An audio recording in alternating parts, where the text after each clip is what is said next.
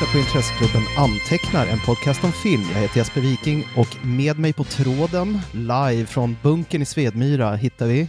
Per Perstrand. Tjena Per! Hej Jesper. Sitter du fortfarande hemma och jobbar? Ja, jag gör ju det. Mm. Uh, suttit sedan den 17 mars och ska sitta ja, till 17 april tror jag är senaste budet. Vi får se. Oj. Ja. ja uh, men det beror lite på vad, vad som händer i, i coronavärlden. Men uh, ja, mm. det har ju varit lite segt. Samtidigt är det givetvis, man är ju väldigt uh, privilegierad och har ett jobb där man faktiskt kan jobba hemifrån. Jo, men verkligen. Såklart. jag, inser, jag, menar, jag älskar ju att vara hemma generellt, eh, men jag tycker ändå man lär sig att uppskatta möjligheten att gå till ett kontor. faktiskt. Mm. Och jag brukar vara jätteduktig. Jag har ju en designerad arbetsplats, en liten kontorsvrå där jag sitter och meckar. Men idag så har jag liksom släppt greppet helt. Jag ligger i sängen mm. med laptopen i knät. Men jag har faktiskt klätt på mig. Det är ja, något. Jo, men det, mm.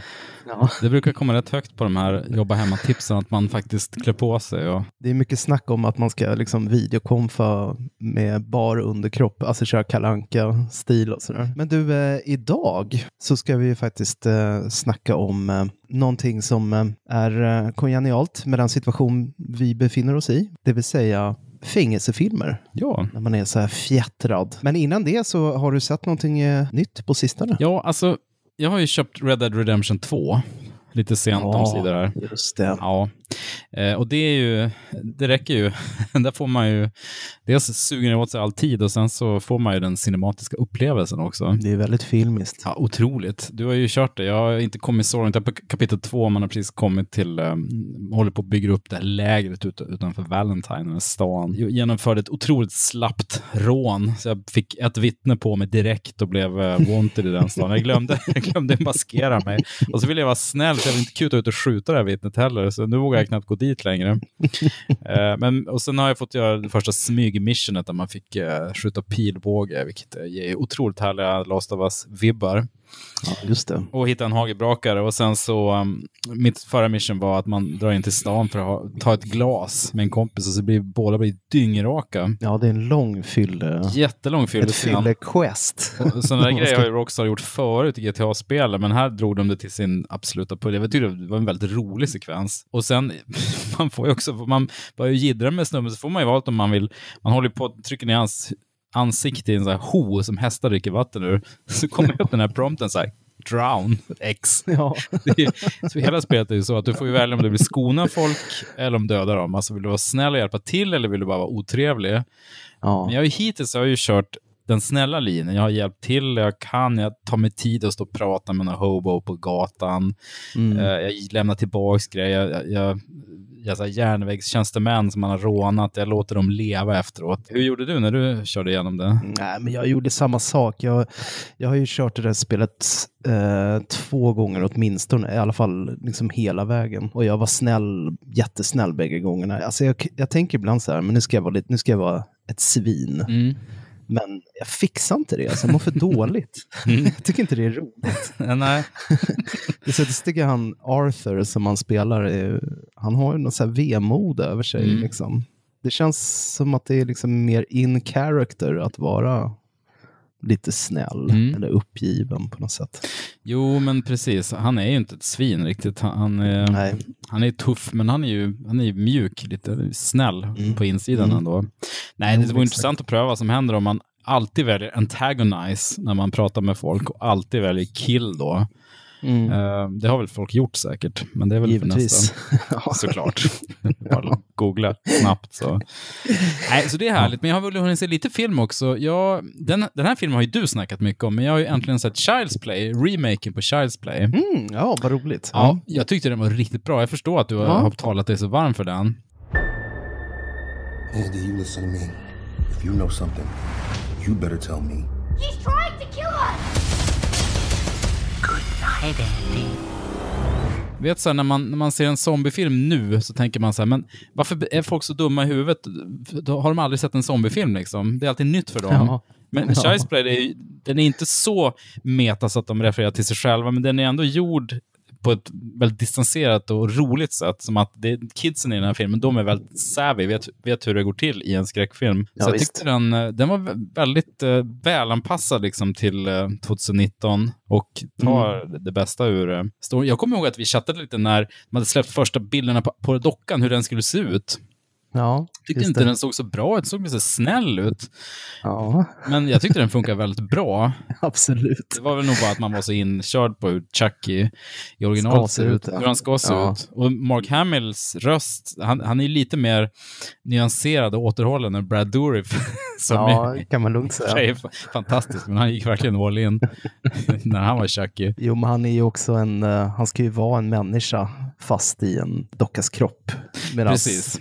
den här nya, han är ju egentligen bara ett AI som Mm. liksom inte fattar liksom att han gör fel.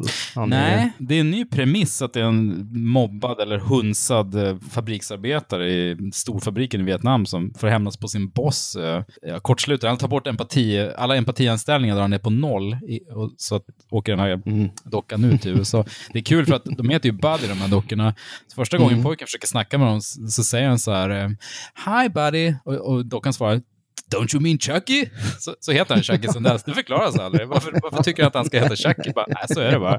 Känns också som en ganska rolig blinkning till första filmen. Att det är klart att han är Chucky för alla. jo, jo, men den är ju lite så här uh, scream-ironisk, Mm. fast på ett lyckat sätt. Ja, men precis. Jag liksom. tyckte det var lagom. Och det är ju underbart mycket gore i den också. Den eh, går ju att strömma nu, finns på Viaplay till exempel, men det går ju att hyra också. Sen så har jag ju sett, eh, jo men jag såg den här Widows också, Steve McQueens film. Det blev äntligen av.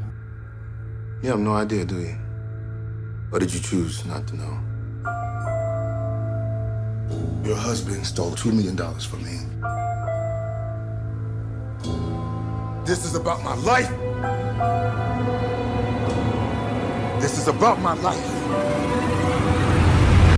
And because it's about my life, it now becomes about yours.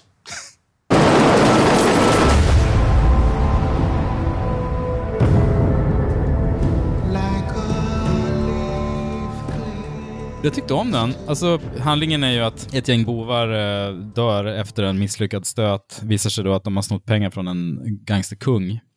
Eh, och eh, då måste änkorna ta, ta, liksom, ta initiativet och betala tillbaka pengarna. Allt det här händer ju första fem minuterna, så det är ingen spoiler riktigt. Steve McQueen och, han har ju skrivit manus tillsammans med Gillian Flynn, vilket är rätt fränt. De vill ju ta ett jättegrepp. Filmen, filmen vill ju nästan vara The Wire också. Att det ska handla om korruption och det ska handla om eh, politiska, politiska skikting. Nu spelas i Chicago då och Colin Farrell är ju så här borgmästarkandidat. Mycket fulspel och sådär. Så att de tar ju lite för stort grepp egentligen. Jag tycker inte filmen klarar inte av att hålla så många trådar i luften. Men som ganska artig kriminalare så tycker jag den funkar. Det är otroligt bra spel eh, av eh, alla, framförallt Viola Davis. Eh, Det mest positiva med den för mig var ju att den var inte alls vad jag trodde att den skulle vara. Nej. Jag gick in och såg den med liksom förväntningen att det skulle vara någon sorts sån här Oceans 8-rulle. Precis. Men de är ju inte, de är inte särskilt savvy eller de lyckas ju med en hårsmån. Det de företar sig Mm. liksom, och har ganska mycket interna konflikter. Så det är inte Mm. alls den här Matt Damon och Brad Pitt Nej, nej det är, dialogen. Utan, Det är inget gäng, gäng sköna tjejer som snackar lite och nej. bara gör det. Precis. Utan, eh, nej, det, är, det är ganska smutsigt och gritty. Det handlar ju väldigt mycket om så här, de har ju, ja men vad man är, vad man är, vad man klarar av att liksom bortse ifrån. Viola Davis har vet ju om att vad hennes man håller på med, men hon har ju varit väldigt förnöjd att ha den här materiella rikedomen. Det var en rolig upptäckt också med hon Elizabeth Debicki Ja. som jag inte känner till innan. Jag tyckte hon var svinbra. Hon är Hon, framförallt bra. hon ska köpa pistoler på den här äh, vapenmässan. väldigt Just det, när hon låtsas vara en hunsad på Hemmafru. I am a, what they call it, a mail order wife. eh, Ja. ju, och sen frågar den här kvinnan vad behöver du? I need three glocks, one for every room. Ja, exakt. Bra. Det är mycket eh, så här, svart humor. Eh, Ja. Men hon, var ju kul. Hon dök ju upp sen i eh, den lite underskattade The Man from Uncle också. Där, Just som, det. eh, Big Jo, men jag var tvungen att kolla Boss. upp henne. Det är hon som är guldfärgad i, eh, Guardians of the Galaxy, tvåan där. Ja, just det. Sitter just i det här det. rymdskeppet och hon var ju väldigt rolig Mm. där. Väldigt spydig. Daniel Kaluuya är så djupt Ja, obehaglig i Widows. Jag glömde säga det. Nej, men det är En en... av, eh, en av filmhistoriens otäckaste Mm. skurkar. Han är riktigt, riktigt läskig. Riktigt obehaglig. Utan, Mm. och, ja, men han är psykopat på ett väldigt effektivt och icke-showy sätt, så att man blir genuint rädd för honom. Det känns inte bara som påser, utan han gör helt oväntade iskalla saker. Fortfarande svårt att förstå att han är britt. Han, I mina öron pratar han ju perfekt amerikanska. Ja, i våra öron. Eh, Jo, ja, jag vet, jag vet. Det är Nej, men det, han, är nog, han är nog rätt bra. fall. Det är ju samma sak med Idris Elba. Och jag menar, Jo, han har ju gjort stor karriär i USA. Det är inte som att han blir utskrattad. nej, precis. Och sen var det kul att se Cynthia Er- Erivo också, eh, efter att ha sett eh, The Stranger på, på HBO. Just det. Uh, måste bara nämnas. Ja, nej men eh, själv så, jag såg om den här Overlord, Oh, yes. Mysigt. Julius Avery, den ligger ju på Netflix nu. Så jag tänkte så här, fan jag måste se om Overlord, det är härligt. Såg den ihop med Åsa som inte hade sett den tidigare då. Mm. Vi har ju pratat om den tidigare, jag kan ju summera med att hon tyckte att den var så här tusen gånger bättre krigsskildring än 1917. Hon bara, "Nej, det här är Jo. fantastiskt, det är inget poserande, ingen så här pretto-varning, det är bara så här 100% reaktiv adrenalinrusning, precis som det är liksom när man är utsatt för livsfara. Det Mm. går bara att hantera ögonblicket. Mm. Vad ska jag göra nu? Vad ska jag göra nu? Vad ska jag göra nu? Så att hon var supersåld på den. Mm, hon var-. Nej, men jag, jag gillar den ju verkligen. Den är tight. Den höll verkligen att se om. Liksom. Och sen är det så härlig Pilo Asbeck som den här Mm. vidriga nazikommendanten. Ja, han är verkligen ond. Mm. Nej, men alltså, om ni inte har sett Overlorden så slink in på Netflix och se den för guds skull. Det är pulp madness. Mm. Den är härlig. Ja, men verkligen. Skäms inte för sig. Riktigt bra. Och sen em, så såg jag ju Zombieland 2, Double Tap. Just det, den har jag också sett. Vad tyckte du om den då? Nej, men jag blev positivt överraskad. Jag hade nog inte så höga förväntningar. Jag tänkte att det, det här är väl en habil uppföljare.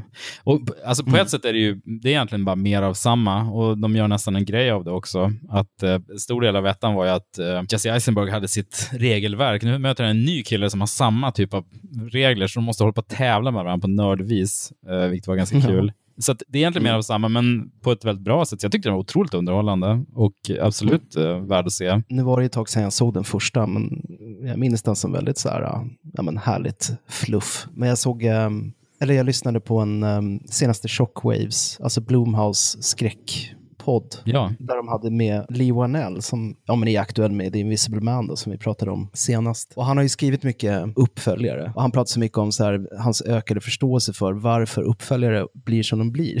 när han har Mm. jobbat med det så pass mycket. Han har varit bakom järnridån så att säga och sett Mm. hur de utvecklas på manusstadiet. Hans åsikt var att så här, om en uppföljare liksom närmar sig originalet i kvalitet och underhållningsvärde så har personerna i fråga gjort ett jävligt bra jobb för Mm. att de har såna hårda begränsningar på sig. Och det måste jag ju säga att Zombieland Double Tap uppfyller ju de kriterierna med råge. mm, Alltså, verkligen. det var ju jävligt roligt att se Thomas Middlemich där från Silicon Valley. Ja, han är kul. Han dyker upp som någon sorts, för de har ju någon sån här bizarro-versioner av eh, Woody Harrelson Precis, och det är Jesse precis som i Eisenberg. Seinfeld. så otroligt bra. Så- men det är just han och Jesse Eisenberg som har sitt, sina egna regler och håller på. Ja, exakt. Han kallar det för commandments det. istället för rules. Och så, så det är så små variationer, men det är exakt samma personlighetstyp. Mm. Och Luke Wilson är Woody Harrelsons. Inte lika klockrent, för att, eh, Nej, han har inte samma utstrålning riktigt, den gode Luke. men och sen MVPn för mig, det var ju Zoe Deutsch, Mm. vilket jag inte visste. Det är ju Lia Thomsons dotter. Alltså Jaha, är det? en 80-talslegends dotter. Oj, det hade jag ingen aning om.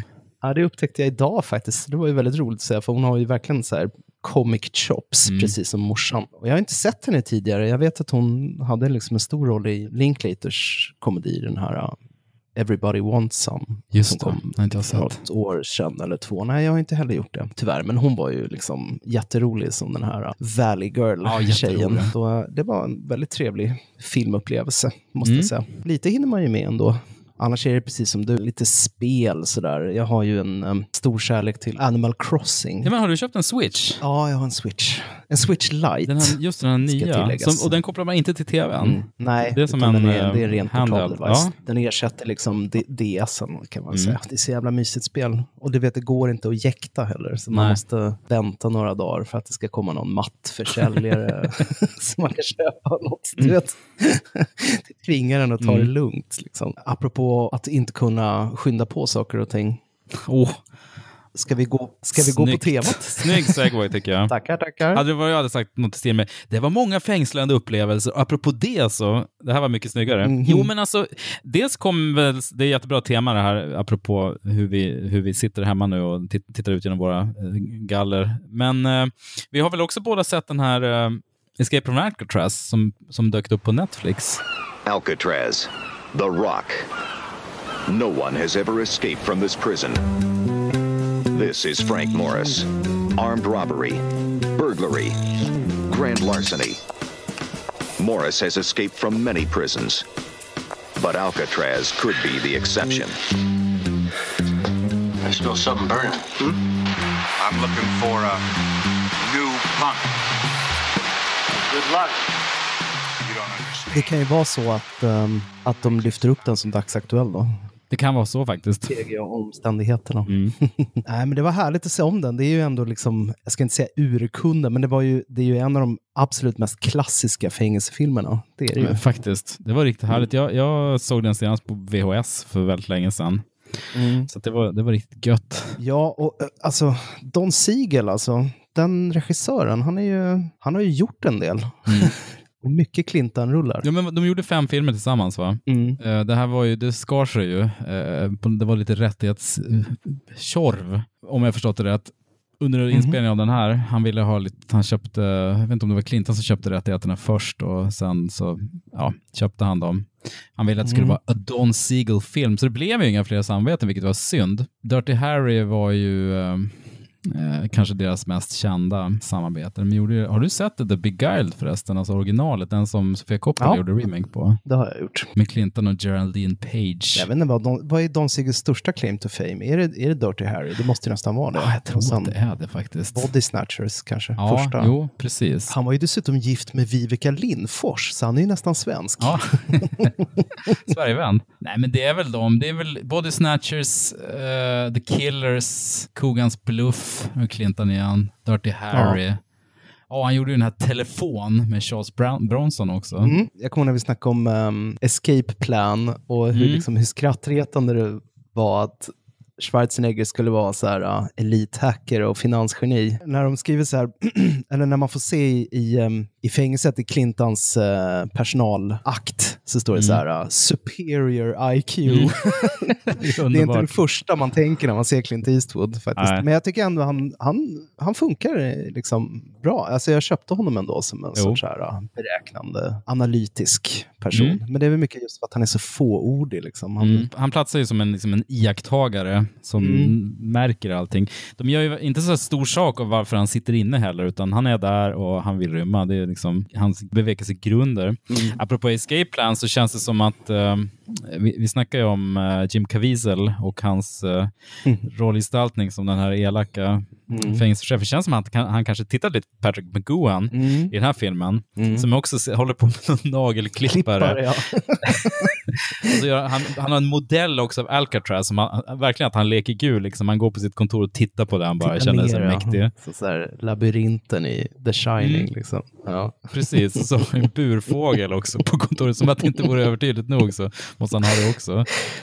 Han är Det är härlig. kul för att han är inte med så många scener, han är kanske med fem, sex scener totalt. Han kan inte ha mycket mer screen time än en, en kvart eller någonting, men han, han, är, han är bra. Han är tyst. Han gör ett stort avtryck. Alltså Patrick McGowan Ja, är fan en mästare på att stjäla en scen. Ja, så pompös och självupptagen och, och så, Mm. så bräckligt självförtroende. Och... Mm. Jag tänkte på att de har väldigt, jag tyckte de har väldigt snygga outfits överlag, alltså de var fångarna. väldigt snyggt klädda allihopa. Väldigt snyggt klädda. Ja. De har liksom ljusblå skjorta, beiga brallor, en del hade rå, ljusrosa brallor av oklar anledning. Men när de kanske är ute var- på rastgården... Vad sa du? Det kanske var de som hade, som hade blivit lägrade av Wolf. De Ja, precis. eh, De fick ha rosa fick brallor på ja, sig. exakt. Även, och sen så, just så här, ljusblå skjorta, byxor vid tischa under och sen är du på rastgården, då har de här dubbelknäppta mörkblå rockarna och så här Jack Nicholson-mössa från Jökboet, så svart toppluva. Jävligt, jävligt classy faktiskt. Ja, just det, de har såna här sjömansjackor. Mm, precis. Jag blev mest tagen av hur, för det här är ju en ganska långsam, metodisk Mm. film. Alltså det, är- Väldigt Det är långsam. ingen sån här raffel, men det, är, det blir otroligt spännande ändå. Ja. För att de är så ständigt övervakade och man väntar hela Mm. tiden på att någon vakt ska komma runt hörnet och se vad de Mm. håller på med. Alltså det, man sitter ju som på nålar, trots det Mm. ganska glaciärartade tempot. Ja, men jag, jag håller med. Och just att den går in i detaljerna. Hur man gör en grej i papier-maché, liksom, hur, de, hur pyssliga de är för att Mm. få till allting. Och att eh, själva rymningen, jag vet inte hur mycket det är i screen time, men det är ju säkert tre kvart eller en timme eller något som, som bara handlar om det. Vilket är, ja, allting sker i, som sagt i väldigt lugnt tempo, så det, det var riktigt härligt att se. Mm. Den har mycket gemensamt med en av, av eh, de filmer jag har på min topplista också, vilket Mm. vi ska återkomma till. Ja, okej. Men du, innan vi börjar med listorna, jag, jag tänkte, jag samlar lite så här tropes som är med i alla fängelsefilmer, som kanske behövs. Ja, Eh, jag, jag tänkte på det här med rymning. Det måste Ja. ju ändå, det är ju ändå ett element. om inte en faktisk rymning så åtminstone en planerad rymning. Det är ju, Precis, det, det kan ju gå till helvete, vilket det oftast gör i verkligheten det också. hör genren till. Det vore ju konstigt annars. Eh, sen skrev jag upp det här, också det här med att en ny nykomling ska sättas på, eller sättas på plats. Det är, I den här är ju Wolf, eh, det är ju någon i alla filmer. Det, det, det är nästan rituellt att en ny fånge ska mätas och provas och se vad han går för och helst också bli uppvaktad. Det finns alltid en stor brutal eh, våldtäktsman i all, på alla fängelser. Ja. Just Wolf är ju roligt för att han är så himla lik Rolf Wesenlund. så, så tänk att hamna på kåken och bli våldtagen av Flexnäs som lök på laxen. Ja, men verkligen. Det, det tänkte jag faktiskt inte på, men Nej. nu, nu kommer jag inte kunna ose det. Mm. Och likaså så ska det ska ju alltid finnas en väldigt mjuk fånge som, som ska bli krossad av systemet. Ja. I det här filmen är, det ju Robert Blossom som är eh, konstnären då. ja, just det. Eh, Doc som han kallas. Mm. Som är ju, ja men han är ju, han är ju egentligen för mjuk för Alcatraz. Det är också en punkt att det ska ju alltid finnas en sadistisk eh, fängelsechef. Patrick McGowan, vi kommer att återkomma till dem i, i vår lista också, som måste ja, men nästan göra ett, ett exempel av, alltså en, en kompis till den som ska rymma måste alltid bli krossad under hans häl för att han ska visa sig vem som bestämmer. Och så måste det ju alltid finnas en veteranfånge som ska, kan fixa allting och som har koll på läget. Jo, men exakt. En Nestor. Ja, en Nestor, precis. Det ska vi också återkomma till. Ja. Men, eh, och här är ju såklart den här, eh, vad fan heter han, Paul Benjamin, som Just det. man kanske känner igen från Do the right thing, som har koll på, på läget. Mm. Så, vi måste också nämna Larry Hankin, som är en typisk här, that guy i den här filmen, Ja. som spelar Charlie Butts. Ja. Jag undrar, vad fan har jag sett honom? För det känns som man sett honom i hundra olika filmer. Jo, men verkligen. Och det har man ju också. Ja, ja, det har Han man. spelar ju eh, en av den här sleazy grannen i eh, Friends i några avsnitt. Ja, just Eh, det. som går runt och är i så här morgonrock alla Big Lebowski. Ja. Jag Bara, när man, du vet när man läser på så hamnar man på irrväg. Jag läste en intervju där han erkände att när, när han hade fått, eh, han trodde att han hade fått en fast roll i Vänner, så han hade typ köpt hus och bil och sådär. Mm. Och sen visade det sig att de tog livet av honom efter fyra avsnitt. Och det skedde då typ i säsongspremiären och så var det ju fest efter inspelningsdagen då alla var jätteglada. Då hade han gått fram till de här friendskaparna och bara skällt ut dem efter noter. så han verkar ju vara en psykopat. det är inte jättesmart kanske att göra det. Han verkar vara en, en särling. Ja. Ja, det är inte så smart karriärdrag. Det är Nej, inte. inte riktigt. Ja men du, detta om detta, ska vi gå på våra topplistor? Ja, men varför inte? Mm. Det är trevligt. Jag har ju... ehm, Vi har ju inte riktigt diskuterat parametrarna kring det här. Jag har ju reviderat den lite grann för att jag insåg Mm. att jag hade ju till exempel från början hade jag ju två fånglägerfilmer med, men det känns nästan som en lista i sig. Ja, det är ju det. Alltså Starlag 17 och Mm. Jo, men The exakt, Great Escape och sådana, det är ju mer. Prisoners of War-kategorin kan man väl säga. Ja, precis. Så jag har, ehm, jag har strukit det. Och sen har jag väl liksom gått lite mera på filmer som jag har sett många gånger för att jag tycker om dem. Så att det, det är inte nödvändigtvis liksom de största, liksom mest erkända filmerna i genren. Men eh, det finns men precis. Hur har du själv resonerat? Jo, men lite så.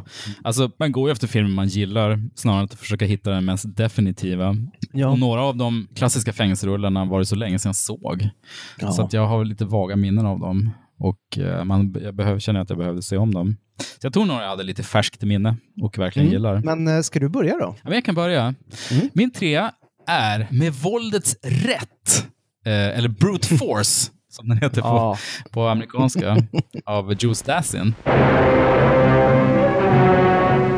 Here, behind the grim walls and bristling battlements of Westgate Penitentiary, live the men of our story. You would call it a prison, but to those who know, it is one big human bomb ready to explode. Here are the conflicts and hates, the desires and dreams of men who chose to live by brute force and now are chained by it. Burt Lancaster, star of the Killers, ruthless ruler of the mob inside. Nothing's okay. Vi har ju snackat om honom förut, Mm. eh, tror jag. Nu minns jag inte riktigt när. Eh, det, var han som gjorde Riffifi. Alltså det, är, det är så intressant för han, han är ju född i Connecticut och hans föräldrar var ju ryssar från Ukraina. Men han heter Jules Dassin. Sen hann han göra tre, fyra filmer i Hollywood som blev noir-klassiker innan han blev svartlistad. För han hade ju faktiskt varit med i kommunistpartiet på 30-talet. Och då drog han ju till Frankrike och blev erkänd där och gjorde ju Riffifi bland annat. Och jag trodde ju länge, som kanske många andra, att han hette Gilles Dassin. För han, det, lå, det är ju Ja. perfekt franskt namn. Ja, verkligen. Men eh, det var ju inte, fast han blev fransman sen, Mm. som Max von Sydow var ungefär. Just det. Men med våldets rätt, ska vi, jag ska dra synopsis på den på en gång. Ja, gör det. Det är bra. Joe Collins, spelad då av Burt Lancaster, är intagen på fängelset Westgate. Fängelset styrs i praktiken av den sadistiske chefsvakten Kapten Munsey, som på ett subtilt sätt manipulerar fångarna på anstalten att vända sig mot varandra eller ställa till bråk för att han ska kunna rättfärdiga hårdare regler. Collins planerar att rymma från fängelset. Ja, ganska, ganska bra. Eh, det här var ju, han gjorde ju några andra eh, som idag eh, liksom räknas som några klassiker som Night and the City och Thieves Highway till exempel. Eh, Naked City var den sista han gjorde, 1900, den kom 48 tror jag, innan han eh, blev svartlistad där och fick, fick fly. Det blev ett litet glapp där innan eh, han gjorde det i Fifi i Frankrike. Det här är ju då en film från 47. Den blev ganska omtalad när den kom för att den, den var så rå och, och så pass våldsam. Den bygger ju på ett verkligt fall som hände just på 40-talet då tre fångar, eller fler kanske var, försökte rymma Mm. från Alcatraz då, som slutade, det blev liksom ett slag som pågick i, i flera dagar. The Battle of Alcatraz snackas det om, som var 46. Eh, det gick ju åt helvete för samtliga inblandade, men det dog ju både fångar och fångvaktare då. Men den är också, först är den ganska liksom, eh, det är det som är kul med fängelsefilmer, att de kan ju rymma många genrer liksom i sig. Först är det lite grann en studie av de här männen och sen går det väldigt mycket in på den minutiösa planeringen av, eh, av, av liksom rymningen. Och sen är det lång actionfinal på slutet som är för sin tid ganska blodig och våldsam och hårdkokt, vilket är gött. Ja, jo, men verkligen. Och Burt Lancaster är, ju, han är väldigt bra i den här rollen. Hume Cronion, som man själv tänker på liksom, i de här snällare rollerna som han Från hade när han var Cocoon. gammal. Som, Ja. ja, Cocoon, ja precis. Ja. Han och Jessica Tandy var ju så Hollywood royalty på, på 90-talet när Ja. båda var jättegamla men ändå hade liksom, fick fina roller. Men de var gifta länge också. Det var, det var ju guldbröllop på dem. Alltså, Mm. Det var väl eh, 50 år. Ja, precis.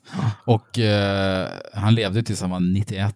Alltså, Ja, gisses. Nej, men så att, eh, och han är riktigt, han är riktigt elak, den här Mansi då, fångvaktaren som håller på och manipulerar. Det svaga kortet i den här filmen, det är gestaltningen av de här männen, för att man får i en flashback se varför de hamnade på Alcatraz. Det tyckte jag var det härliga med Escape from Alcatraz, att den är mycket mer hårdkokt och Ja. behöver liksom inte rättfärdiga att varför, varför är, de, är de onda de här människorna som sitter i fängelse, utan det köper vi bara att de är.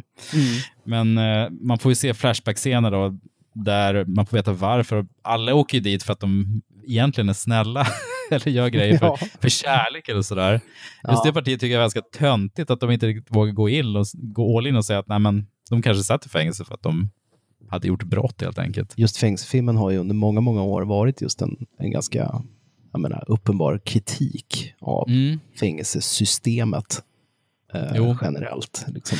Det, det glömde jag säga i, min ganska halvbakta trope-snackar om vad, vad vi förväntar oss av fängelsefilmer. Det, är ska ju alltid, man har ju aldrig sett en film där fängelse framställs som ett positivt ställe, ett liberalt ställe där man faktiskt vill vårda de, de internerna, utan Nej, utgångspunkten är ju att det är ett jävla hellhole. Paddington 2 kanske.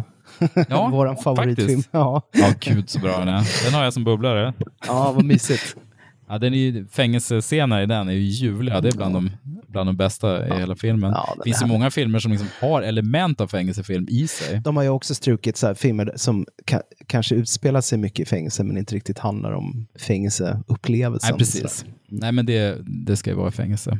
Nej, men så Brute Force är fin. Den finns i en um, härlig uh, Arrow-utgåva som kom för några år sedan. Mm. Brukar ligga på rean där också. Det var manus av Richard Brooks också. Ja, men Som precis. är, har ganska tungt CV, får man Mm. konstatera. Det är typ så här ja, Blackboard Jungle och Katt på ett plåttak. Och, Det är tungt alltså. ja. och han har ju dessutom skrivit och regisserat en av mina absoluta favorit-westerns, The Professionals, med Lee Marvin och Burt Åh. Lancaster och Jack Palance. Smart, den har inte jag sett. Ja, den är svinbra. Jag recenserade den på TV-dags eh, för ett par somrar sedan. Mm. Men, så den kan man googla på där. Den är, eller, den är jävligt smarrig. Och den tror jag fortfarande finns på Netflix faktiskt. Men du, med våldets rätt, den går också att strömma på Triart kan vi tipsa om. Så den är värd att se. Riktigt bra fängelsetriller med eh, mycket action och uh, noir-ingredienser.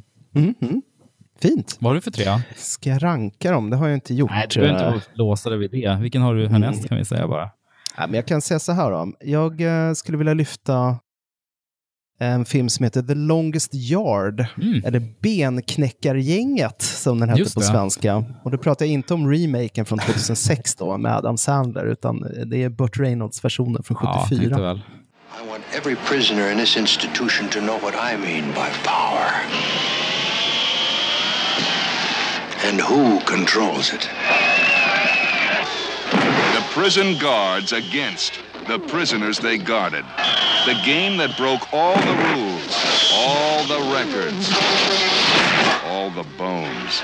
The most incredible ever played. On the field and off.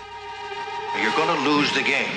And I want a 21 point spread.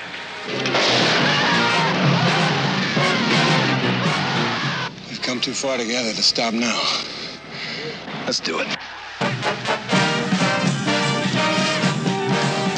From the producer of The Godfather. From the director of The Dirty Dozen. From the first second to the last, the Mean Machine means it. Burt Reynolds. Fängelsedirektören Hazen kämpar för att fotbollslaget med fångvakter ska ta sig till det nationella mästerskapet. Han ber därför fången och fotbollsproffset Paul Crew att organisera ett lag med interner för att utmana det laget med fångvakterna. Ja, som Paul Crew ser vi ju då Burton och det är alltid smarrigt. Här har ju liksom Aldrich omvandlat um, sin tidigare film 12 fördömda män, om du minns den, Mm. till uh, någon sorts här anti-auktoritär eh, svarthumoristisk eh, ja, actionkomedi.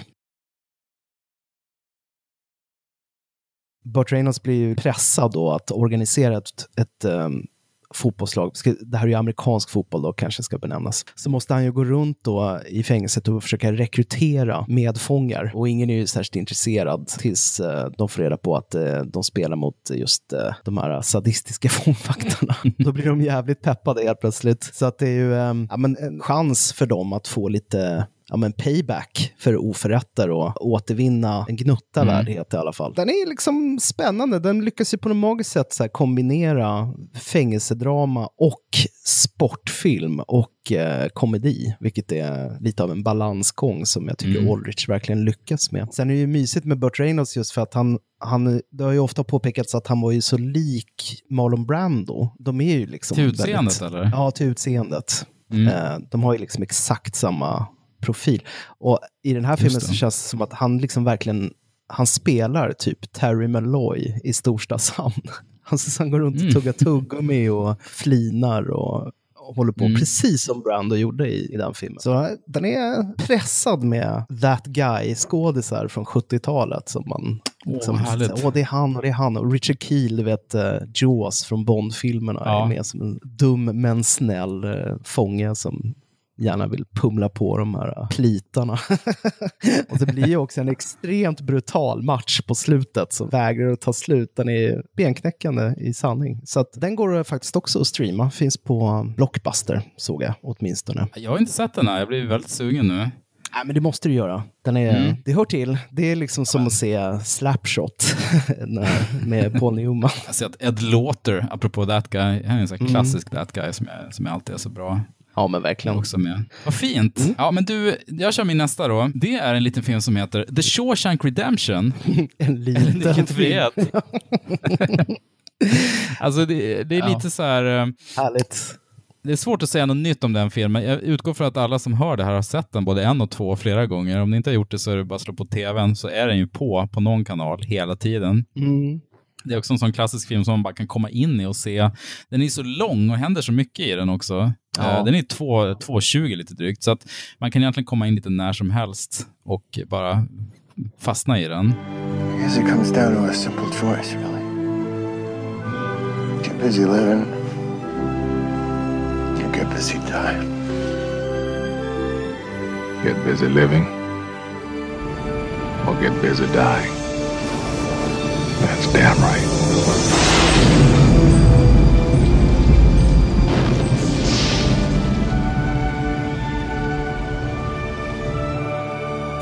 Shawshank Redemption är ju liksom en eh, stilstudie i casting. Mm. Så den är ju så fantastiskt väl rollbesatt. Ja men verkligen, alltså det, det var lite det jag tänkte prata om. För att eh, dels så ska vi nämna lite, alltså Bob Gunton är ju fenomenal som den här eh, eh, Norton då, fängelsechefen. så jävla vidrig. Och jag kry- krystade ju in den här filmen i avsnitt sex, tror jag det var. Som när vi har pratat om hämndfilmer. Ja, just det. Ja. Jag kunde Just inte det. hålla mig i- i 60 avsnitt till, typ. Utan jag skulle ha in den då. Bara för att jag inte kom Ja. på något annat. För det- jag ville lyfta fram var då den hämnden som Andy, Tim Robbins, utsätter Bob Gunton för, vilken är, den är ju raffinerad. Ja, det, var, det det var egentligen lite fel för att eh, det är ju en fängelsefilm det här först och främst, men den har ju så många små, små sidohistorier i sig, så att den, den är så rik på många sätt. Men eh, precis som i de filmer vi har nämnt så har vi den här dynamiken med en sadistisk fånglägerchef och en, en lika sadistisk vakt då, som är Clancy Brown förstås. Som är ju Mm. så jävla bra. Det finns ju så många, så många scener man kan plocka ut eh, ur den här filmen. Jag undrar om min favoritscen inte är den här när de kärar taket-scenen. Och får ta en öl. Ja, men precis. För Andy mopsar ju upp sig och håller nästan på att åka ut över taket tills han hintar om att han kan hjälpa dem med skatteredovisningen, de här plitarna. Och det enda han önskar sig då är att han ska få lite några hinkar med öl. Och du vet ju hur svag jag är för filmer med voiceover. Ja. För Morgan Freemans röst är ju så... Han säger att för några få ögonblick kunde vi alla känna oss som fria män. Det är ju det är så fint. Morgan Freeman, han måste ju vara en av de mest profilstarka voice-over-skådisarna vi har Ja. i dagsläget. Jag, menar, jag kan tänka mig att han gör jättemycket såna dokumentärer för uh, Discoveries där som man inte har någon aning om. När han pratar om pingviner och... Jo, men precis. Han skulle nog kunna livnära sig på det om man inte vill göra, göra några fler Mm. roller. Lyckligtvis gör han ju bra filmer som eh, Angel has fallen och de här Fallen-filmerna med Gerard Butler. Så att, eh, han, han, han väljer med omsorg. Just det. Nej, men apropå, apropå casten så, ett tag skulle ju Rob Reiner göra den här filmen. Då var ju tanken att eh, Andy skulle spelas av Tom Cruise och. Red skulle spelas av Harrison Ford. Vad säger du om det? Ja, Harrison Ford kunde jag väl köpa kanske, men, men han är inte alls, han är inte, känns inte så nedbruten som Morgan Freeman. Morgan Freeman kan ju spela Nej, så här som att han, hans själ har blivit krossad. det det ja, har inte precis, Harrison men ändå Ford en i sig. värdighet kvar. Nej, precis. Och jag undrar om Harrison Ford, ja, men jag undrar om Harrison Ford skulle ta en sån passiv roll också. Alltså man vet aldrig hur de här casting what if som de pratar om i Rewatchables-podden, hur mycket de är, hur mycket man ska tro på dem. Men det är ju alltid kul att googla sånt. Det var ju rätt många eh, som var på gång. Enligt uppgift så ville ju Darabont ha Gene Hackman eller Robert Duvall i filmen. Eh, Mm. och han funderar på Clinton eller Paul Newman också. Äh, jag vet inte vad, men, vad det här är meningsfullt att rabbla upp. Alla sådana prestigeprojekt så går det med till de hetaste namnen. Jag kan förstå Eh, att man tackar nej till en roll som Andy Dufresne, för att han är inte så, um, han är ju inte så rolig rollfigur egentligen. Nej. Alltså han har ju inte så mycket dialog och Tim Robbins är ett jättebra val just för att han spelar så himla mycket med ögonen på ett annat sätt än kanske Tom Hanks eller eh, någon annan gör. Men alltså om man ser på det rent så här utifrån så finns det ju många andra roller i den filmen som kanske hade varit roligare att sänka tänderna i än att vara den här Jesus-figuren. Ja, men precis. Nej, men jag tycker Tim Robbins är perfekt. Han, han är ju lång, han är ju 1,96 lång, så han har ju resligheten samtidigt som han har det här ganska pojkaktiga utseendet. Så man köper ju honom som, eh, som good guy egentligen. Den är jävligt snyggt fotad också. Men det är väl uh, Deakins va? Ja, det är Deakins. Mm. Och enligt uppgift så bråkar han ganska mycket med Darabont. För Darabont ville ha ett snygga, eller jo, Darabont ville ha snygga bilder, men Deakins menar på att nej, men vi ska ha mer täta, täta bilder i fängelseområdet, för då blir det desto mer effektivt sen mot slutet. Spoiler! Då man får möta världen utanför. Det är ju givetvis helt rätt. Att in- Darabont verkar inte vara jättekul att, att samarbeta med. Nej. Han verkar ju lite knäpp i huvudet. Tror han har svårt att släppa kontrollen. Så att, att, att han inte listar på Deakin som redan då, 94, hade väl plåtat uh, Barton Fink och eh, Alltså han var ju ett geni redan då. Så att, eh, En gigant sig tillbaka. inom industrin. Ja, verkligen. jo. Låt honom, låt honom styra. Det var det smart. Man häpnar, som mångårig konsult så har jag ofta häpnat över liksom varför man anlitar expertis bara för att ignorera den. Det är, Mm. det är en lustig inställning. Ja, nej, men det känns jättetryggt och skönt att The Shawshank Redemption är med på den här eh, Jo, listan. men den, den måste vara med. Mm. Det, det hör till. Jag hittade en grej, apropå casten måste bara... Nej, men det var ju apropå det här med corona, att vi känns som vi sitter i fängelse. Även citat från Wikipedia om hur eh, Tim Robbins förberedelse för rollen. To prepare for the role, Tim Robbins observed cage animals at the zoo, spent an afternoon in solitary confinement, spoke with prisoners and guards, and had his arms and legs shackled for a few hours. Så här, han satt en eftermiddag i isolering. Han, han band fast sig i några timmar. Det är ganska milt ändå. Ja, det är en... Jag tycker det är så underbart. Nej, men jag har förberett mig. Jag var på zoo och kollade hur tigrar rör sig. Jag var där en kvart, sen gick vi och tog en burgare. Det är inte riktigt Så satt jag ensam i huset i två timmar, pratade inte med någon. Det, då förstår jag, nu förstår jag hur det känns. Lite den stämningen när vi pratar om corona och eh, ja, det, det, det har ju hänt värre grejer så att säga. Susan Sarandon knackar på dörren så här. Vill du ha en öl Tim? Nej, jag sitter inne. Precis. Okej, ställ den utanför. Jag, jag den. Tyst, jag förbereder mig! God bless him. Ja, Ja, men verkligen. ja roligt. Ja, detta om Nyckeln till frihet, den eh, går att strömma överallt skulle jag tro och går väl på tv eh, lite nu och då. Mm, jo, nej, men den borde väl vara vitt eh, åtkomlig, känns det som. Jo, det är den. Nej, men du, eh, jag känner så här att man måste få skratta lite också. Får man det? I dessa Även i tider. fängelsefilmer? Ja, det tycker jag. Så jag skulle Mm. vilja lyfta fram eh, en film som heter Stir Crazy, eller Dårfinkarna. Som, Mm, Gene Wilder och eh, Richard Pryor, eller? Ja, men exakt. En, eh, en Sidney Poitier-film. Han har ju faktiskt regisserat filmer också. Mm. Spelat i dem. Poitier kanske tyckte att hans image som skådis var väldigt seriös. Så att han var tvungen att göra knaskomedier för att liksom väga upp det. Man tänker inte Ja. på honom som en spelevink direkt. Som skådis. Nej, han har ju inte så glimten i ögat. Mr. Tibbs. Men kör... kör nej. Gene Wilder, Richard Pryor. That's right, that's right, we're back. In Stir Crazy. They're wanted everywhere for laughs. En författare och en skådespelare förlorar sina jobb och tvingas ta allehanda extrajobb för att försörja sig, som att göra reklam för en bank iförda hackspetsdräkter. Men när några bovar stjäl deras kostymer så blir de falskt anklagade för rån. ja, High concept-rulle. Hilarity ensues. Ja, men verkligen. Ja, nej men um, den här filmen är ju... Um, de hade ju, Richard Pryor och Gene Wilder hade ju såklart jobbat tillsammans tidigare då i Silver Streak, eller Chicago Mm. Expressen. Och det var ju Ja, den är härlig. superhit eh, Mm. såklart. Så här, här fanns det ju liksom comedy gold. Eh, och de var ju en väldigt så, speciell komisk duo, måste man säga. De är nästan utan like, för de, de jobbar ju inte alls enligt den här eh, standardmallen, alltså straight man och, och en uh, imbecill, liksom, eller en pajas. Utan båda två gjorde ju lite både och. De var ju så här kompletterande udda fåglar Mm. på något sätt. Mm. Och eh, handlingen i den här filmen handlar då kring just deras fängelsevistelse och att eh, det visar sig att Gene Wilders rollfigur, han, han är här naturbegåvning i eh, rodeo-sammanhang. Han, han har så otroligt bra balanssinne. Så att eh, han blir rekryterad då av fängelsedirektören för de ska ha en stor rodeo-tävling.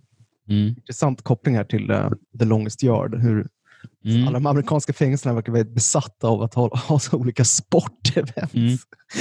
Men eh, den här rodeo-tävlingen skapar ju då tillfälle för en jailbreak, vilket är eh, tacksamt eh, såklart. Men mycket av humorn i den här filmen bottnar i just hur, hur inepta eh, Pryor och Wilder är på att Mm. anpassa sig till fängelsekulturen och hur, hur man förväntas reagera på saker och ting.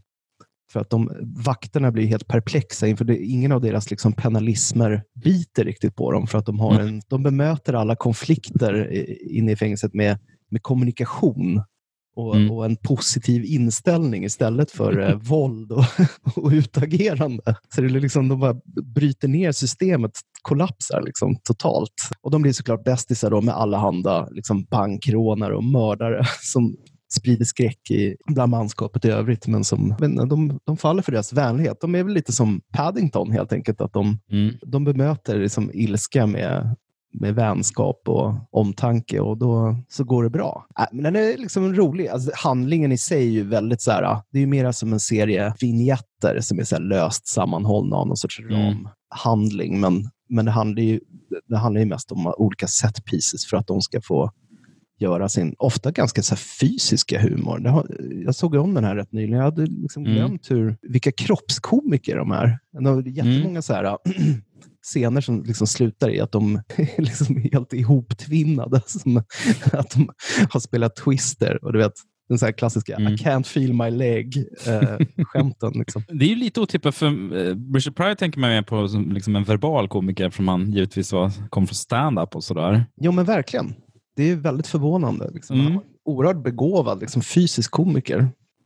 Sen kan man ju liksom tycka att det är lite tragiskt hur Hollywood aldrig riktigt lyckades använda Richard Pryor på bästa möjliga sätt. Nej. Det är väl typ Chicago Expressen och den här som är hans ja, men, bästa insatser i en film. Där ju- för, I övrigt så var det ganska mycket mediokra rullar han gjorde. Gene Wilder Mm. lyckades ju mycket bättre med liksom, sina egna soloprojekt. Precis. Så det är lite märkligt. Richard Pryor var ju ändå, liksom, som du säger, en väldigt så begåvad komiker. Alltså, komisk. Han kunde ju skriva roligt också. Så att, Mm. ja, det, är, det är lite lustigt det där. Men det är kul också att se Craig T. Nelson som en eh, sadistisk eh, fängelsevakt, Åh, vad härligt. såklart. Eftersom man, man förknippar honom så hårt med myspappan i Poltergeist till exempel. Ja, men exakt. Och jag, jag ser när jag sitter och tjuvläser på internet att Joe Bett Williams var med i den här också. Ja. Har de, men har de några scener mot varandra eller med varandra? Mm, nej, det har de inte. Craig? Nej, ändå Nej. samma film. Pre-Poltergeist, det är fränt. Ja, verkligen. Och som sagt, han gjorde inte många skurkroller, Craig T. Nelson. Det var väl typ Nej, här och sen ja, Action Jackson var det va? Han var skurken i. Var det inte så? just det, det kan stämma. Med Ja, Carl fint. Weathers. Ja, men den är smarrig. Jag tycker är, man ska ju passa på. Den går ju att streama dessutom. Så att, eh, Mm. om man är, vill koppla av lite och garva så tycker jag absolut man ska slänga på dårfinkarna. Alltså, jag har inte sett den här. Jag är jättesugen nu. Mm. Eh, Chicago Expressen har väldigt ljusa minnen. Vi ser ju att den, den gick ju så otroligt bra. Den drog ju in tio gånger pengarna, vilket är få filmer förunnat. Ja. var den tredje mest inkomstbringande filmen 1980 efter då Rymdimperiet och 9 to 5. Ja, just den var uppe där bland riktigt, Ja, riktigt stora filmerna. Ja, 9 to 5 var ju en kioskvältare och Guds Mm. nåde verkligen. Sen Så måste det- vi ge en eloge till översättarna också. Eh, Dårfinkarna, de får ju in Både att de är Finkan. kna- knasiga och finkan också. Ja, jag och att de är utklädda till fåglar. Ja, det jag är. Ja, ett hattrick i titeln. Det är riktigt bra. ja, det är faktiskt... eh, jag minns inte om vi lyfte det här i vårt Patreon-avsnitt om lökiga Nej, men jag tror inte det, men vi kan ju passa på att göra reklam för det. Det tror det- finns nu, ute nu ett uh, specialavsnitt om lökiga svenska filmtitlar som sagt. Mm, kan man lyssna på bland annat eh, andra Patreon-avsnitt för en, det facila priset av 5 dollar Ja. per månad ungefär. Jag tror vi lyfte Hör upp blindstyre, vilket är en ännu roligare svensk filmtitel. Nej, men eh, som sagt, Stir Crazy. Kolla på Ja. den. Mm. Fan vad härligt. Mm. Jaha, men du, då är det dags för min etta. Ja, Ja, allt är här godtyckligt. Men jag, jag tar en... eh, Det här kan nog ändå vara den bästa fängelsefilm jag har sett. Nu blir det allvarligt och så åker vi eh, tillbaka i tiden till eh, 50-talet och en dödsdömd har rymt. oh. Ja, eh, av Bresson från 1956. ja. C'est l'histoire de cet exploit unique que raconte le nouveau film de Robert Bresson. D'un côté, des murs, des barreaux, des soldats, des armes. De l'autre, un homme seul, désarmé, battu d'avance. Cette confrontation dramatique d'un monstre et d'un homme, la prison et son prisonnier, a été reconstituée par Robert Bresson sous les yeux même du héros qui l'a vécu. Den franske motståndsrörelseaktivisten Fontaine blir satt i nazistfängelse och ägnar all sin vakna tid att planera sin flykt därifrån. Filmen, som är baserad på en sann historia, följer detaljerat Fontaines minutiösa förberedelser inför flykten. Mm. Det var en ganska bra beskrivning, för att precis som Escape from Alcatraz handlar väldigt mycket om eh, med detaljer och exakt hur de genomför rymningen, så är det här liksom filmen par excellence som verkligen går in otroligt detaljerat i alla förberedelser och, och själva mekaniken och metodiken bakom den här eh, flykten, som också skildras extremt eh, långsamt och som sagt minutiöst. Och därmed också lyckas vara otroligt spännande. Ja, ja, verkligen. Och den upptar en ganska stor del av filmen också, sista halvan. Liksom. Eh, Jag har inte superkoll på, på Bresson. Jag liksom håller på, har lite projekt att jag ska försöka se hans film. Men jag såg den här Mm. Pick, Pickpocket nyligen som eh, finns på Draken Film. Den var ju jävligt bra. Den har ju lite besläktad att han jobbar liksom med amatörskådisar, att han går in. Han är väldigt fascinerad av själva, vad ska man säga, eh, själva hantverket att eh, vara ficktjuv. För att det är väldigt många eleganta scener där man liksom får se hur, hur det går till. Mm. Eh, Och, och lite besläktad här att han, ja, men han jobbar ju med den här asketiska stilen utan några frivoliteter. Allting ska vara väldigt rent och eh, ja, det, det stämmer med den här filmen också som väl ofta lyfts fram som hans, eh, hans stora mästerverk. Men jag är jättepeppad på att se mer, till exempel den här uh, Diary of a Country Priest också. Men alltså, det är ju alltid så fascinerande det här när man får följa någons här, uh, minutiösa förberedelser. Och Mm. det, det var ju mycket av det som var charmen också med uh, Flykten från Alcatraz som vi pratade om alldeles Ja, precis. Och också att här, se någon master at work lite grann. Så, Ja. Någon som, har, som vet hur de ska göra. Som det här med ficktjuvarna till exempel. Ja, det är, det är så vackert. Det är ju det. Fint. Ja, men så att den här rekommenderas. Den finns att strömma på lite olika ställen. Den finns på Triart och finns på uh, Draken Film till exempel. Så uh, Ja, det är väl det är ett, ett två tips. självklara streamingtjänster för en sån här film. Ja, För det här absolut. måste väl, det, är väl typ Bressons mest erkända film. Jo, men det är det nog. Princip. Mums. Det är den här och Pickpocket och kanske då en, en prästmans dagbok är väl de, de, de, the big three som man brukar prata om när man pratar om Bresson. nej, men det är väl de som är hans, hans stora filmer. Så att, nej, eh, hett tips. Man får ju ha tålamod. Den är eh, ytterst långsam, men eh, man blir ju rikligen belönad. För det är oerhört rafflande Mm. mot slutet utan några större åthävor. Ja, Jesus. Ja, men jag slänger väl upp ett förslag som kanske inte når samma kvalitetshöjd.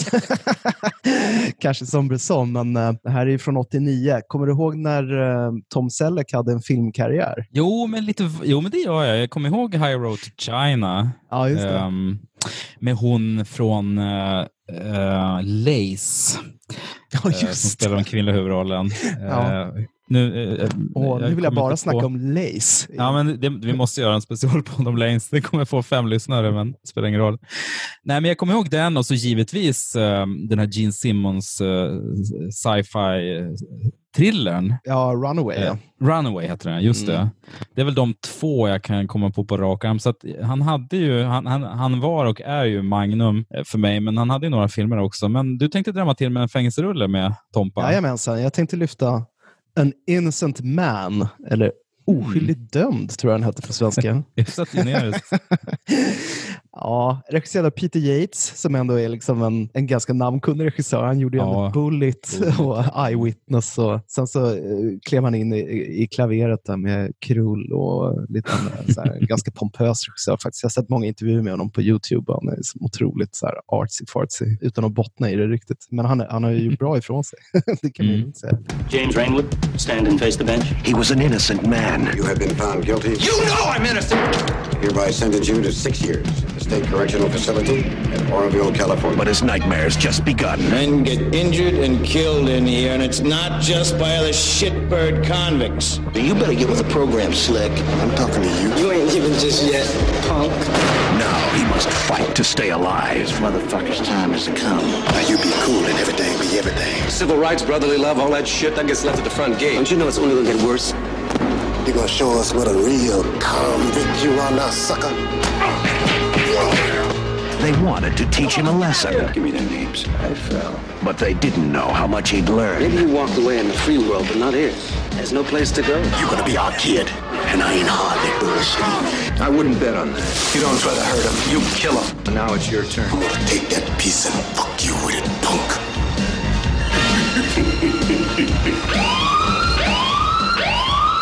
Touchstone Pictures presents An Innocent Man. I guarantee you one long stay in Jimmy. Rainwood är inlåst bland män som man inte kan lita på. Bland män som kan döda för en cigarett. Och samtidigt är han oskyldig. Inlåst därför att två narkotikaspanare har gjort ett misstag de inte vågar erkänna. Mm. Wow. Nej, men misstaget de här uh, korrumperade snutarna har gjort är att de är, de är, så här, de är kokshöga spanare som de konfiskerar knark och sen så typ använder de det själva och säljer det. så de, och då, eh, de, skaffar sig droger genom att raida hus. Mm. Men eftersom de är så påtända så, så raidar de fel hus och sparkar in dörren då hos flygingenjören Tom Selleck och skjuter honom i axeln. För han kommer ut från badrummet och håller på att föna sitt perfekta 80-talshår. För Mm. De tror att hans hårtork är en picka. Då. Och för att täcka Ja. över den här fadäsen så planterar de en massa droger i hans hus. Så han åker dit. liksom. Och eftersom han typ rökte en joint någon gång när han gick på college så blir han ju fälld då, och hamnar i fängelset. Och Den här filmen innehåller verkligen så alla tropes som vi har eh, lyft tidigare. Mm. Ser vi då till exempel, eh, han möter ju F. Murray Abraham, Ja, also known as Salieri, som Precis. spelar den obligatoriska livstidaren där, du vet, som agerar ciceron åt Selleck i. ja, men precis. Vi pratade om det tidigare också. Mm.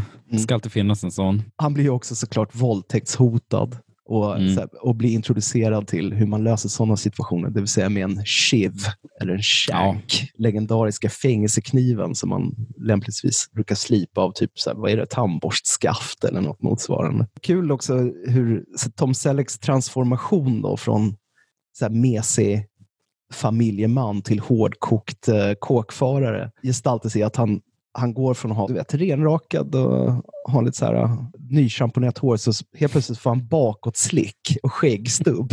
Då är han tuff. Ja, då vet man. Vilket är härligt. Och Sen tycker jag Mm. att hela filmen är på något sätt så väldigt rörande i sin uppvisning också av, av så här det vita privilegiet. Alltså för Mm. Hela premissen handlar ju om så här, hur kan rättssystemet behandla en medelklassman så här Mm. orättvist? Liksom. Det är så chockerande. Den ultimata kränkningen. Man Ja. är ju en del av samhället. Ja, Har precis. gjort sitt för att bidra. så blir man man sviken. Och det här är ju standard för väldigt stor del av den amerikanska befolkningen Mm. som råkar vara svarta. Så att, ja, nej, men den, är, den är härlig. Den är väldigt tidstypisk. Eh, Mm. Och ja, men, jätte- tuffa på. Liksom. Jag gillar den här fängelseskildringen. Eh, just för att det finns någon så här trygghet i just att alla de här ja, men standardinslagen finns där. Mm. Och sen så är det ju bara, för det första så tycker jag ju, Tom Selleck är ju inte skådisen med världens största räckvidd direkt, men jag tycker han är bra i den här filmen. Det är typ, Mm. alltså rent skådismässigt en av hans bästa. Och F. Murray Abraham är ju alltid liksom njutbar. Ja, oerhört stabil. Slug gammal räv med gammal of, han går, bär runt på en gammal oförrätt mot just de här poliserna som satte dit. Då. Så det utmynnar i någon sorts hämnddrama också framåt slutet, vilket är alltid är trevligt. Mm. Men äh, ja, Peter Yates, vilken, äh, vilken snubbe. Och Selleck, jag menar, han gick ju han hade ju inte så jättetur med sina filmer. För som du sa, han gjorde ju Runaway och High Road to China. Och sen, den här kom ut samma år som den här romantiska komedin Hennes alibi. Kommer du ihåg den? Ja, den ja, med Ja, Paulina, Paulina. Porizkova. Exakt. Visst var det hon? Ja, det var hon. Just det, det kommer jag ihåg. Ja. Han, han var någon sån här deckarförfattare som möter något vittne. Och, alltså, Mm. det, var väldigt, eh, ja, det var också en väldigt tidstypisk film. Hennes alibi. Åh, vad härligt. Jag tror tyvärr inte den här går att streama, så egentligen är det så uselt att lyfta den i dessa dagar. Men det finns ju säkert i fyndlådan i någon gammal DVD-hörna. Jo, måste gå att hitta. Du, jag, jag tjuvkikar. Jag har inte sett den här. Jag blir peppad nu. Det- Det här låter som en ganska generisk uh, fängelserulle man ändå Jo, sitter och myser sanning. till. Ja, det är det verkligen. Men du, det är kul uh, birolls. En av de här korrupta snutarna spelas av han David Rashi, eller Mm, Ja. eller fan. Apropå Han har ju med that Ja, guy-skådisar. men exakt, han är typiskt that guy. Man har sett honom som många så här, ganska frenetiska figurer, oftast snutar och bovar och sådär. Mm, Och det. sen ser jag att den, den andra polisen spelas av han som är Indiana Jones. Eller Ja, han som i, är eh, med... Holy Grail, eh, Ja, men precis, eller Last Crusade-filmen. Ja. Exakt, i den här försekvensen med, eller han är ju inte Indiana Jones, man tror ju att han eh, är det, men det är ju han som då... Heter han inte Lämna- typ bara Fedora i... eh, Fedora Man tror jag Ja. han kanske heter. För att han ger ju över sin, sin eh, hatt, precis, hattmannen, ger ju sin hatt där till River Phoenix så att han... Mm. Han säger, det här, vad, vad det han säger? Ja, just you det. lost, today, you lost today kid, that doesn't mean you have to like it. Ja, exakt. Ja. Precis. Så bra, Mm. bra scen. Det är smarrigt. Ja, det är kul Ja, det är med de här smarrigt. koksiga snutarna. För att det är också så här att typ alla, alla goda män i den här filmen, de har ju en solid mustasch och är liksom så här lite kortklippta. Medan de här snutarna, de är så här renrakade och har långt hår. Vet, så här Det lockigt. fattar man direkt. Så här, Don Johnson-hår liksom. Mm, inte att lita på. Nej. Nej, men vad fan, en innocent man. Det, det var länge sedan. Mm. Mm. Det här var ju roligt. Man fick ju massa uppslag och, på, på likartade teman. Vi, vi sa ju Mm. liksom att till exempel fångläger är en genre i sig och sen Jo, man kan ju dra det där vidare. Det finns ju hur många subgenrer som helst. Folk som är fjättrade på något sätt. hade du någon bubblare förresten? Nej, alltså vi har ju hoppat över en massa såna här uh, ikoniska Ja, verkligen. såklart. Men som jag sa, jag ville väl kanske lyfta fram grejer som kanske inte var så super top of mind. Som An Innocent Man. Ja, till exempel. Nej, men vad heter det? Alltså, det finns ju många. Säg några du. Så. Nej, men jag skrev upp några. Brubaker kommer jag ihåg. Jag tyckte jag var rätt stark. Mm. Den är ju Robert Redford eh, och Japhet Kotto. Jag minns inte om de rymmer den eller om det bara handlar om att de har en otroligt sadistisk eh, fång... Alltså det handlar mer om, det är mer en sån här liberal debattinlägg om hur uselt fångar blir behandlade på fängelser. Ja. Eh, men jag har för mig att den var rätt bra. Men jag, jag, det var så länge sedan jag såg den så jag har lite vaga minnen. Jag skrev upp Cool Hand Luke också. Uh, Paul Newmans Ja, Rebell i bojor. Och sen Papillon förstås, som jag inte har sett om sedan jag var barn och såg den på VHS. Den var ju, tyckte man var Ja. rätt cool. Papillon är ju, den kräver ju liksom, man måste ju verkligen stålsätta sig. Den är så Den vansinnigt lång. lång. Oerhört lång. Ja, det är som Midnight Express. Det så, och det blir, det blir Mm. aldrig liksom, man får aldrig andas ut, utan det är bara Nej, eskalerande ångest hela tiden. precis. Jag var lite inne, jag kollade en eh, ganska hyfsad double feature hade ju varit ja, men Bronson med Tom Hardy Ja, just det. och Chopper med Eric Bana. Mm. Mm. Eh, har du sett den, Chopper? Nej, jag har inte det. Nej. Nej, Det är ju speciellt för bägge de filmerna har ju båda ja, men huvudrollsinnehavarna har ju liksom gymmat upp sig så in i helvete. Mm. Alltså de har det ju i tid och otid eh, ganska svullen. Liksom. Mm. Men Eric Bana är ju en ganska så här, spenslig kille. Men han ser ut som ett monster i Chopper. Mm. Eh, väldigt speciellt. Jag vet inte. Det känns så självklart, många av de här. Jo, jag hade, jag hade några till, men jag kan bara nämna en av dem det, och det är den här härliga Lockup som jag tror vi kanske snackade om förut med Sly. Stallone. Stallone. Han, har, han har gjort mycket kåkfilmer. Det är... Jo, Tango and Cash har vi ju snackat om tidigare. Ja, precis. Och i, i Lockup är det ju Donald Sutherland som är en otroligt uh, elak uh, Just det, fängelsechefen. Mm, man hör på namnet att han är ganska taskig. Så den är, den är härlig, den skulle jag vilja se om det var länge sedan. Ja, John faktiskt. Flynn, Mm. Flittvarg, gjort eh, Mm. mycket kul. Ja, men sannerligen. Men du, vad ska, vi, eh, vad ska vi köra nästa gång? Ska vi bestämma det på en gång? Ja, Jag vill- säger det nu. Jag lite, jag var lite taggad på ubåtsfilmer, apropå att Ja, just det. Mm. begränsad geografiskt. Mm. Det lirar bra med corona-temat och ja, karantäntemat det var väldigt, det var väldigt eh, inspirerat faktiskt. Så, Snacka lite ubåtsfilmer. Där finns det ju mycket intressant också. Ja, där kan man Det är verkligen inte bara djupet. Das Båt, liksom, utan det finns Nej. en del smarr. Och Det det, mesta är ju ganska...